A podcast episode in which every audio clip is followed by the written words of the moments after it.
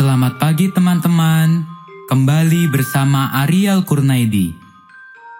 Kita akan merenungkan firman Tuhan dari buku Renungan Pagi Anak dan Pelajar. Perjalanan menuju negeri perjanjian Allah yang disusun oleh Pastor Dr. Marolop Sagala.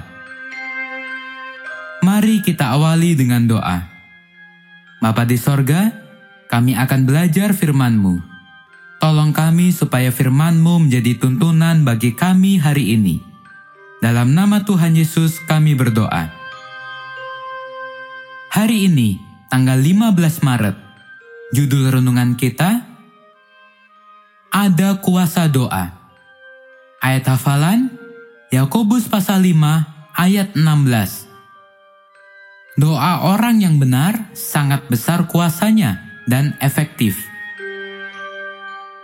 Ketika adikku perempuan mengetahui dia ada kanker, saya tanya teman saya untuk berdoa.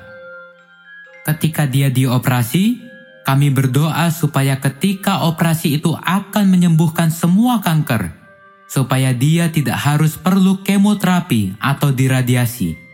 Dan Allah menjawab, "Ya." Ketika saya laporkan kepada teman saya berita gembira itu, satu teman saya mengucapkan, "Saya senang ada kuasa dalam doa." Saya menyambut, "Saya bersyukur Allah menjawab dengan ya kali ini."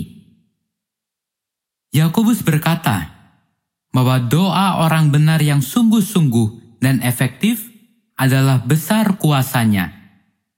Dicatat dalam Yakobus pasal 5 ayat 16. Doa adalah besar kuasanya tapi itu sesuatu yang misteri. Kita diajarkan untuk memiliki iman untuk meminta sungguh-sungguh, bertekun, untuk menyerah pada kehendaknya. Namun Allah menjawab dalam hikmatnya dan jawabannya yang terbaik. Saya hanya mau berterima kasih bahwa Allah mau mendengar hati kita dan tidak persoalan apa jawabannya. Dia adalah tetap baik. Saya suka kata-kata oleh Hasbai. Doa dan ketidakberdayaan prayer adalah tidak terpisahkan. Hanya mereka yang sungguh dan tidak berdaya yang akan berdoa. Ketidakberdayaanmu adalah doamu yang terbaik. Tuhan, hari ini aku mengakui ketidakberdayaan saya, dan kuasamu kiranya nyata ketika aku berdoa kepadamu. Amin. Berdoalah seperti anak-anak yang tidak berdaya, menangis kepada ayah mereka.